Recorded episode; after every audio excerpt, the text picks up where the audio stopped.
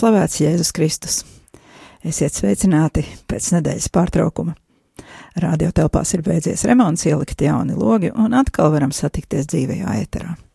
Savu skanējumu sāk raidījums vairāk tevis manī, un kā parasti studijā esmu es Sandra Preisa. Eh, Gribu brīdināt, ka pēc raidījuma eh, tiem, kuriem patīk klausīties Vatikāna radio Krievu valodā raidījumus, kurus man, man arī ļoti patīk klausīties, piebildīšu, eh, raidījums būs pēc manējā raidījuma. Tātad izskanēs jingls, un pēc tam tie, kas vēlas klausīties radio Krievu programmu, varēs to noklausīties. Atgādinu arī raidījumu kontaktus ētera telefona numurs 67969131, numurs īziņām 266-7722, un e-pasts, kā vienmēr, vairāk tevis manī at gmail.com.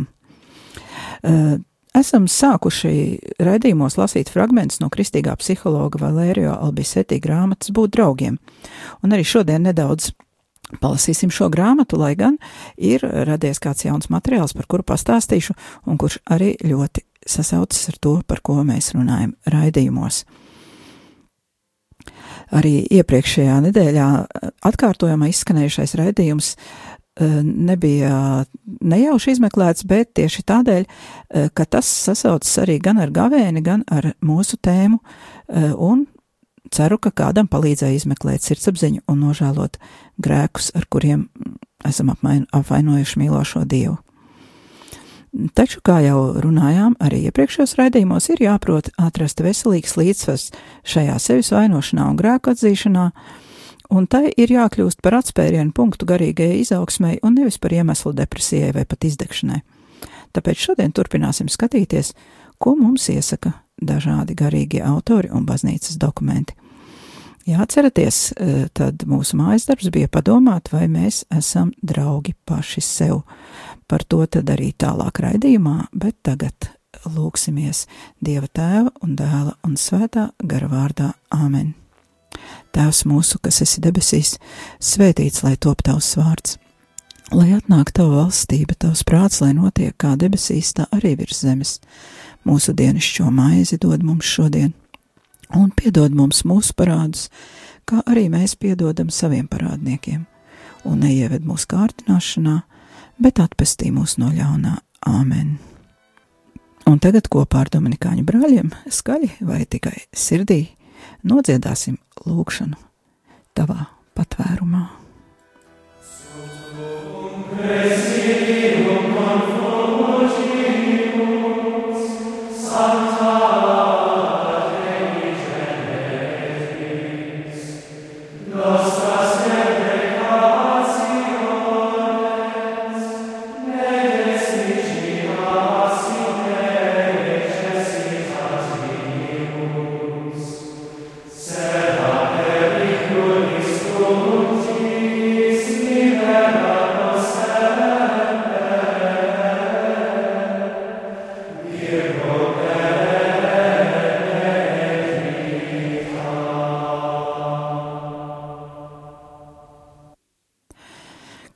iepriekš esmu minējusi, mani raidījumi top lūkšanā, un es tos nesāju sevī kā bērns, un visbiežāk, kamēr raidījums vēl tikai top, pie manis atnāk kāda aktuāla informācija, kura papildina un bagātina to, ko esmu gatavojusies raidījumā pārunāt. Tā arī šoreiz bija pieteikusi raidījuma tēmu par to, kā būt vai kļūt par draugiem pašiem sev, jo tas ir viens no veidiem, kā varam uzvarēt ļaunumu, bet dažas dienas pirms raidījuma uzzināju, ka 4. 1. martā Vatikānā notika ticības mācības kongregācijas izdotās vēstules Plakuit Dei jeb Dievs nolēma prezentācija. Aicinu labi ieklausīties manis lasītajos citātos gan no minētā dokumenta, gan no svētajiem rakstiem, jo tie mums dos daudz materiāla, kur varēsim izmantot savas garīgās dzīves pareizai izpratnē un attīstībai. Tālāk citēšu fragments no vēstules prezentācijas Vatikāna radio. Nebūs grūti pamanīt tēmas aktualitāti, to, ka šodienas situācijā no jauna ir jāmēģina izprast sen pazīstami jēdzieni, kurus bieži lietojam aiz ieraduma, ieliekot tajos vairs ne baznīcas un paša Kristus doto jēgu, bet gan savā vai citu pieredzē un izpratnē veidotus kļūdainus uzskatus un stereotipus. Šī vēstule nerunā tiešā veidā par pazemību un pazemošanu, kas ir mūsu raidījumos iesāktā tēma, bet drīzāk uzrāda mūsu kļūdu cēloņus. Tomēr noteikti pamanīsim arī atsaucas uz lietām, kuras esam pārdomājuši raidījumos vairāk tevis manī. Bet tagad citēšu Vatikāna radio. Katoliskās baznīcas bīskapiem un visiem ticīgajiem lajiem adresētā vēstule ir veltīta dažiem kristīgās pestīšanas aspektiem. Tā tapa ar mērķi ticības bagātās tradīcijas gaismā un īpaši pāvesta Franciska mācības perspektīvā izcelt dažus kristīgās pestīšanas aspektus, kuri pēdējā laikā notikušo kultūras pārmaiņu dēļ šodien var būt grūti saprotami. Dokuments sastāv no sešām nodaļām, un pēc īsa ievada tajā tiek runāts par to, kā mūsdienu kultūras pārmaiņas ietekmē izpratni par pestīšanu.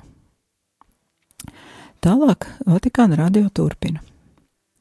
Kādas ir šīs pārmaiņas, kas aizēno kristīgo ticību, saskaņā ar kuru Jēzus ir vienīgais visas cilvēces pestītājs? Prezentējot dokumentu, ticības mācības kongregācijas prefekts bīskaps Luis Francisko Ladārija Ferrers norādīja uz divām tendencēm, kas līdzinās divām pagātnes herēzēm - pelagianismam un gnosticismam.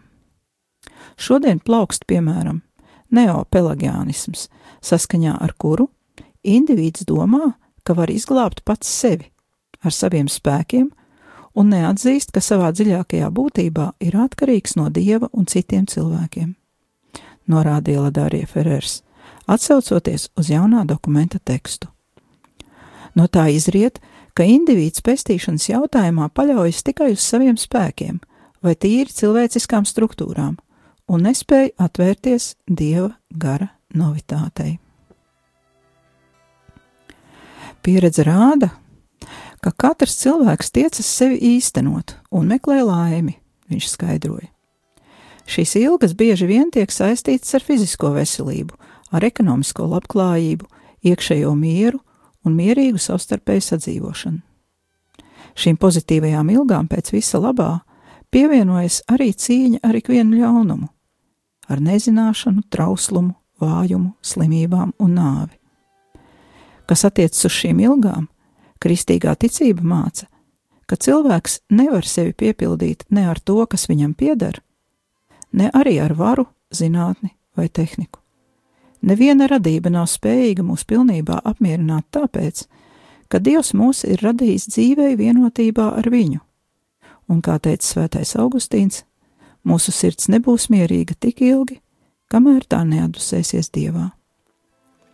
Pāvests Francisks šīs tendences dēvē par neopelagiāniskām tendencēm, jo tām ir viena kopīga lieta ar pelagiānismu, proti, dieva darbības cilvēkā aizmiršana.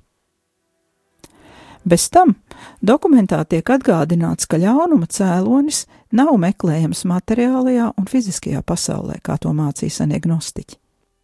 Kristietība sludina, ka visa radītā pasaule ir laba, un ka visvairāk cilvēkam kaitē ļaunums, kas iziet no viņa paša sirds. Grēka izraisītā saišu saraušana ar Dievu noved pie harmonijas zaudēšanas cilvēku starpā un starp cilvēkiem un pasauli vedot cilvēku pretī nāvei un iznīcībai. No tā izriet, lasām dokumentā, ka pestīšana, ko ticība sludina, attiecas nevien uz mūsu iekšējo pasauli, bet uz visu mūsu būtni tās veselumā. Dievs savā mīlestībā radīja visu personu ar miesu un dvēseli pēc sava attēla un līdzības, un paaicināja to dzīvei vienotībā ar viņu. Bīskaps Ladarija piebilda, ka saskaņā ar kristīgo ticību ne tikai dvēseli ilgojas pēc pestīšanas, bet arī miesa. lai labāk izprastu šo ar pestītāju Jēzu Kristu saistīto lielo novitāti, ko neņem vērā minētās tendences, no jauna ir jāpievērš uzmanība tam, kā Jēzus ir glābējs. Viņš neaprobežojās tikai ar to, lai parādītu mums ceļu pie Dieva, ceļu, ko pēc tam mēs varētu noiet paši, paklausot viņu vārdiem un sekojot viņu paraugam. Lai atvērtu mums atbrīvošanas durvis, Kristus pats kļuva par ceļu, lasām vēstulē. Jēzus, tēva iemiesotais dēls, ir vienīgais glābējs, uzsvēra ticības mācības kongregācijas prefekts. Viņš atklāja dieva nesautīgās darbības absolūto primātu, pierādot, ka neopelagiāņu individualistiskais skatījums ir pilnīgi nepamatots, jo žēlastība, pat tad, ja tā prasa cilvēka sadarbību, vienmēr iet pa priekšu. Vienlaikus Caur dēla cilvēcisko darbību Tēvs gribēja atjaunot mūsu rīcību, lai mēs, kļūdami līdzīgi Kristum, varētu darīt labos darbus, ko Dievs sagatavojas, lai mēs tajos dzīvotu. Salīdzinājumam arī vēstule Efeziešiem 2.10. Bīskaps Ladārija Ferērs arī atgādināja, ka pestīšana nav tikai iekšēja un sentimentāla lieta, kā to gribētu neognostiķi. Tā kā Kristus kļuva cilvēks, viņš noteiktā veidā ir sevi sasaistījis ar ikvienu cilvēku un ir iedibinājis jaunu attiecību ar Dievu, savu tēvu un ar visiem cilvēkiem kārtību. Cilvēks rod savu piepildījumu tieši attiecībās ar Dievu un ar saviem brāļiem. Prezentācijas noslēgumā bīskaps izteica cerību, ka šī vēstule palīdzēs ticīgajiem labāk apzināties savu dieva bērnu cieņu Pestīšanu nevar aprobežot vienkārši ar vēsti, sava veida praksi, gnozi vai iekšēju sajūtu. Nevelti enciklikā Deus Caritas est Benedikts 16. norāda, ka kļūšanas par kristieti pamatā ir nevis ētisks lēmums vai kāda cēla ideja, bet satikšanās ar dzīvo personu, kas paver jaunus dzīves apvāršņus un piešķirtai izšķirošu virzību. Vēstules plakvit Deo 5. un 6. nodaļa ir veltītas eklezioloģijai, jeb mācībai par baznīcu. Tajā teiktais vedina mūs uz pārdomām par to, kur un kādā veidā varam iemantot pestīšanu. Šī vieta ir baznīca. Tas, kurš baznīcā satiek savu glābēju Jēzu Kristu, nevar viņu nesludināt citiem.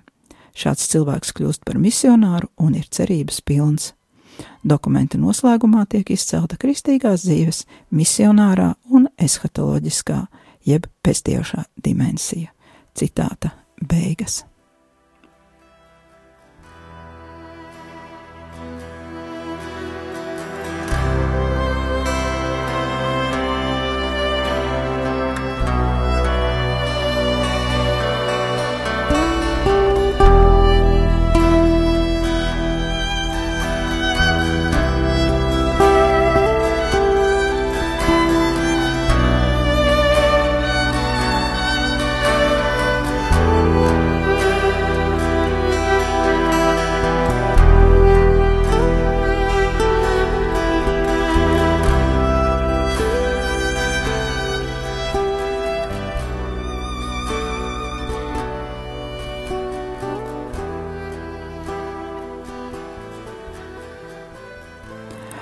Pieminētā vēstule sākas ar atsauci uz dogmatisko konstitūciju Deja verbumu, jeb Dievu vārds, un uz fragmentu no vēstules efezie, efeziešiem, kuru es arī tagad nolasīšu.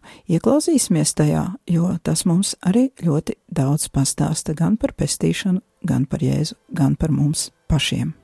Tātad efesiešiem pirmā nodaļa no 4. panta. Viņā viņš mūs izredzējis pirms pasaules radīšanas – lai mēs mīlestībā būtu svēti un nevainīgi viņa priekšā. Iepriekš paredzējis viņš savā labprātībā nolēma mūs pieņemt sev par bērniem caur Jēzu Kristu. Par slavu savas žēlsirdības godībai, ar kuru viņš mūs apveltījis savā mīļotajā dēlā.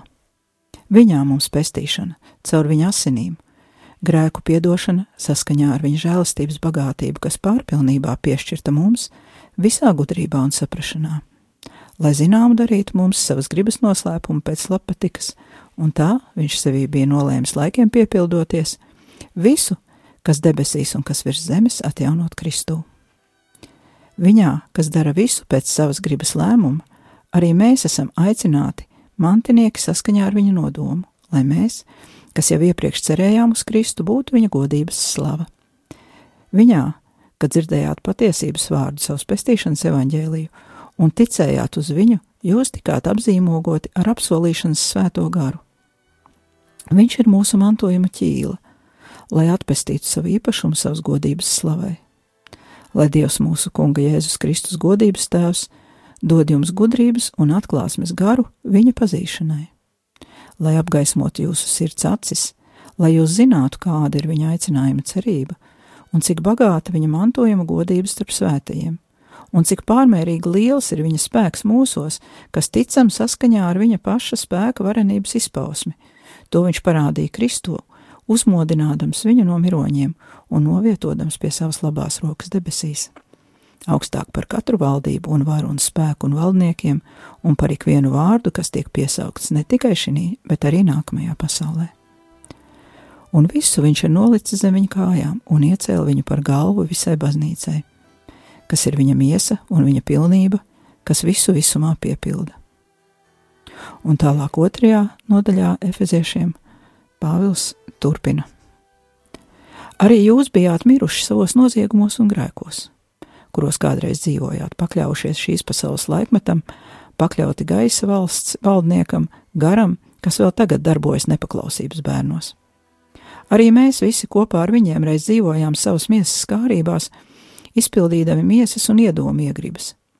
Savā dabā mēs bijām dusmības bērni, tāpat kā pārējie. Bet Dievs, bagāts būdams savā žēlastībā, savas lielās mīlestības dēļ, ar kur viņš mūs mīlējis, Kristu atdzīvināja mūs, kas bijām miruši savos, savos grēkos.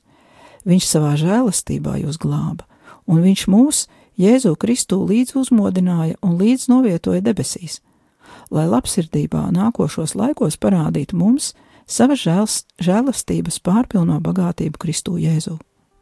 Jo žēlastībā jūs esat pestīti ticībā, un tas nav no jums, tā ir Dieva dāvana, ne darbu dēļ, lai neviens nelielītos.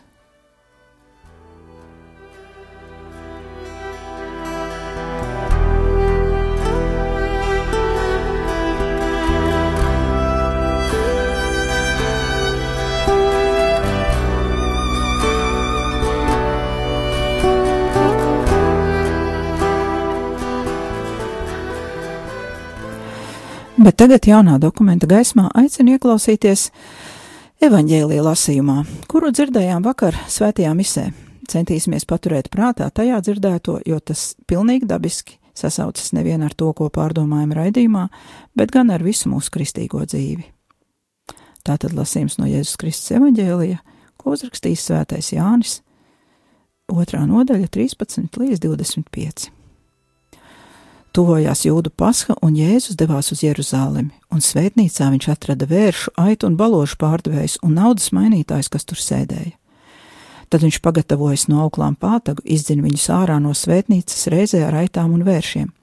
Izkaisīja mainītāju naudu un apgāza galdus, un tiem, kas pārdeva baložus, pateica: aizvāciet tos projām no šejienes, nepadariet mana tēva namu par tirgus bodi. Viņa mācekļi atcerējās, ka ir rakstīts, mani sagrauzīs rūpes par tavu namu. Tad jūde atsaucās un viņam sacīja, kādu zīmi tu mums parādīsi, ja jau dari šādas lietas. Jēzus atbildēja un sacīja viņiem: Nojauciet šo svētnīcu, un es to trijās dienās atkal uzcelšu. Bet jūdi sacīja: 46 gadus tika celta šī svētnīca, un tu to uzcels trijās dienās? Bet viņš runāja par savu miesas svētnīcu, tāpēc tad, kad viņš piecēlās no miroņiem, viņa mācekļi atminējās, ka viņš to bija teicis, un ieticēja rakstiem un vārdiem, ko Jēzus bija runājis. Un kamēr viņš uzturējās Jeruzalemē paskas laikā, svētku dienā, daudzi ieticēja viņa vārdam, redzot brīnumus, ko viņš darīja. Bet pats Jēzus viņiem neusticējās, jo viņš visus pazina, un viņam nevajadzēja, lai kāds dotu liecību par cilvēku, jo viņš pats zināja, kas cilvēkā slēpjas. Tie ir svēto rakstu vārdi. Šajā fragmentā mēs redzam, ka Jēzus šeit neparādās, kā saka, balts un pūkains, kā mums patīk iedomāties, vai redzēt mazajās svētbildītais grāmatgaldos. Šeit arī neparādās tāds cietais Jēzus, kurš būtu sakritis kā nelaimes čupiņš no bēdām par to, ka svētnīca pārvērsta par tirgu. Jēzus šeit parādās mums tāds, kāds viņš ir patiesībā - drosmīgs tēva nama aizstāvis, kurš ir mīlestībā norūpējies gan par tēva namu, gan arī par ticīgo tautu, kura nevar cienīgi pagodināt Dievu, jo lūkšanu vieta pārvērsta par tirgu. Tas nenozīmē, ka Jēzus būtu pret tirgošanos vispār, jo upurdzīvnieku tirgošana pati par sevi bija labs darbs. Svētceļnieku uz templi nāca no tālienes, un vieglāk bija paņemt līdzi naudu nekā simtiem kilometru nest vai vest upurdzīvnieku. Bet kārtējo reizi cilvēki labu darbu bija pārvērtuši ļaunumā, jo aiz šā darba vairs neredzēja dievu un kalpošanu, bet tikai savu izdevīgumu. Jēzus viņiem to atgādina ļoti skarbā veidā, jo mīlestībai dažreiz ir jābūt skarbai. Mīlestība savā būtībā ir ļoti prasīga, daudz prasīgāka par toleranci jeb iecietību. Bet tikai tāds, stiprs un savā mīlestībā prasīgs Jēzus varēja nest pestīšanas upuri. Taču pievērsīsim uzmanību vēl dažām lietām fragmentā. Tātad eh, vārdi miesas svētnīca. Jēzus savu miesu nosauc par svētnīcu, ieviešot pavisam jaunu saprāšanu par to, kas ir cilvēka miesa. Jo viņš bija īsts cilvēks, tātad viņš runāja ne tikai par savu miesu patiesībā. Nākamais rūpes par tēva namu. Viņš rūpējās par tēva namu gan tiešā, gan arī šajā jaunajā pārnestajā nozīmē. Un to papildina arī fragments no pirmās vēstules korintiešiem, Vai jūs nezināt, ka jūs esat dieva nams un ka dieva gars jūsos mājo? Ja kas dieva namu samaitā, to dievs samaitās, jo dieva nams ir svēts un tas esat jūs. Un vēl interesants uh, fragmenta gabaliņš tāds par to, kā Jēzus mīl cilvēku. Jo Jēzus mīlestība uz cilvēku ir vai nu par spīti tam, ka viņš mūs pazīst, vai arī tieši tāpēc, ka viņš mūs pazīst. Jo, kā raksti saka, bet pats Jēzus viņiem neusticējās, jo viņš visus pazina, un viņam nevajadzēja, lai kāds dotu liecību par cilvēku, jo viņš pats zināja, kas cilvēkos slēpjas. Šeit arī ir atslēga mīlestībai, ar kādu Dievs mūs mīl. Mīl, jo pazīst. Un tā ir arī atslēga sevis mīlestībai, kura tālāk mūs aizved pie tuvāk mīlestības un atkal atpakaļ pie dieva mīlestības. Mīl, jo pazīst. Zina gan labo mūsos, gan arī mūsu vājumu. Tomēr mīl tā, ka gatavs ielikt pats savu dēlu cilvēku rokās, uzticēt cilvēkiem pašu dārgāko un caur cilvēku ļaunuma izpausmi atpestīt pašus ļaunuma darītājus. Kāds paradoks! Vai šī mīlestība liecinātu, ka Dievs mīl ļaunumu mūsos, vai arī to tolerē? Nekādā gadījumā nē. Dievs nemainīgi tic labajam mūsos, un labajam tic arī pats Jēzus. Ļaunumu nevar mīlēt, jo tas ir labā trūkums. Tas ir tukšums, neesamība. Dievs mīl labo, to, ko pats ir radījis no mīlestības un caur savu mīlestību, un vēlas mūs atvest atpakaļ pie sevis. Jā, Dievs pirmais ir mīlējis, un pirmais ir ticējis mums, tādēļ arī mums vajadzētu sekot viņa piemēram. Iepazīt pašiem sevi, iemīlēt labo, atzīt savu vājumu un atteikties no ļaunā. Pieķeroties dievam, viss kļūst iespējams.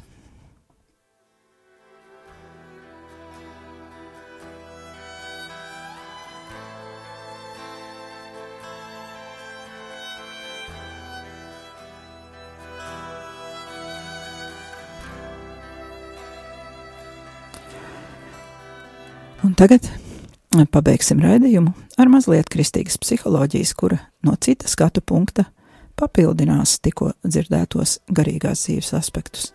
Tātad lasījumi no Valērio Albisetī, kristīgā psihologa grāmatiņas Būt draugiem. Izteiciens kļūt par sevi attiecas uz psiholoģisko un uz garīgo sfēru. Tas ir iekšējs darbs. Tā būtība ir pieņemt savas negatīvās un apslēptās īpašības, tās bez bailēm uzlūkojot. Un nevajag no tām kautrēties, bet gan ar tām samierināties. Cilvēks tiek mērīts pēc dziļuma. Viņa dziļākās, apslēptākās īpašības rod sākotni pašos slēptākajos, nepazīstamākajos un grūti pieejamajos dvēseles stūrīšos. Tomēr tieši šīs īpašības padara cilvēku stipru, dzīvot spējīgu un drosmīgu. Tas vien, ka tās pastāv, liek cilvēkam meklēt, iepazīt un mainīt sevi. Man šķiet, ka cilvēka esamības jēga ir ietverta tieši tajā. Ja nemācīsimies būt draugi sev, tad mēs riskējam pielīdzināt sevi tam, ko saka par mums nedraugi, kļūt tādiem, kādus nedraugi mūs redz. Ja nemācāmies būt draugi sev, tad kļūstam par līdzstrādniekiem savam nedraugam, tam, kurš mums uzbrūk, kurš cenšas mūs iznīcināt, kurš pret mums izturs vardarbīgi. Ja nemācāmies būt draugi sev, tad ierobežojam sevi, koncentrējoties vienīgi uz savu negativitāti. Turklāt šādi rīkojoties, mēs drīz vien atradīsimies izolācijā, pārstāsim kontaktēties ar citiem cilvēkiem.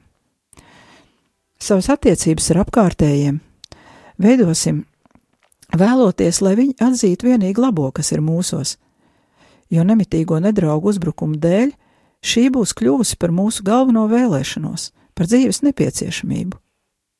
Un beigu beigās mums radīsies stingra pārliecība, ka apkārtējie mūs nesaprot.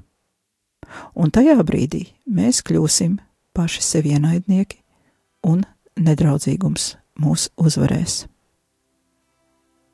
Būt draugam sev nozīmē censties iepazīt tās savas personības puses, kuras nedraugi grib izmantot, lai mūs padarītu vājākus.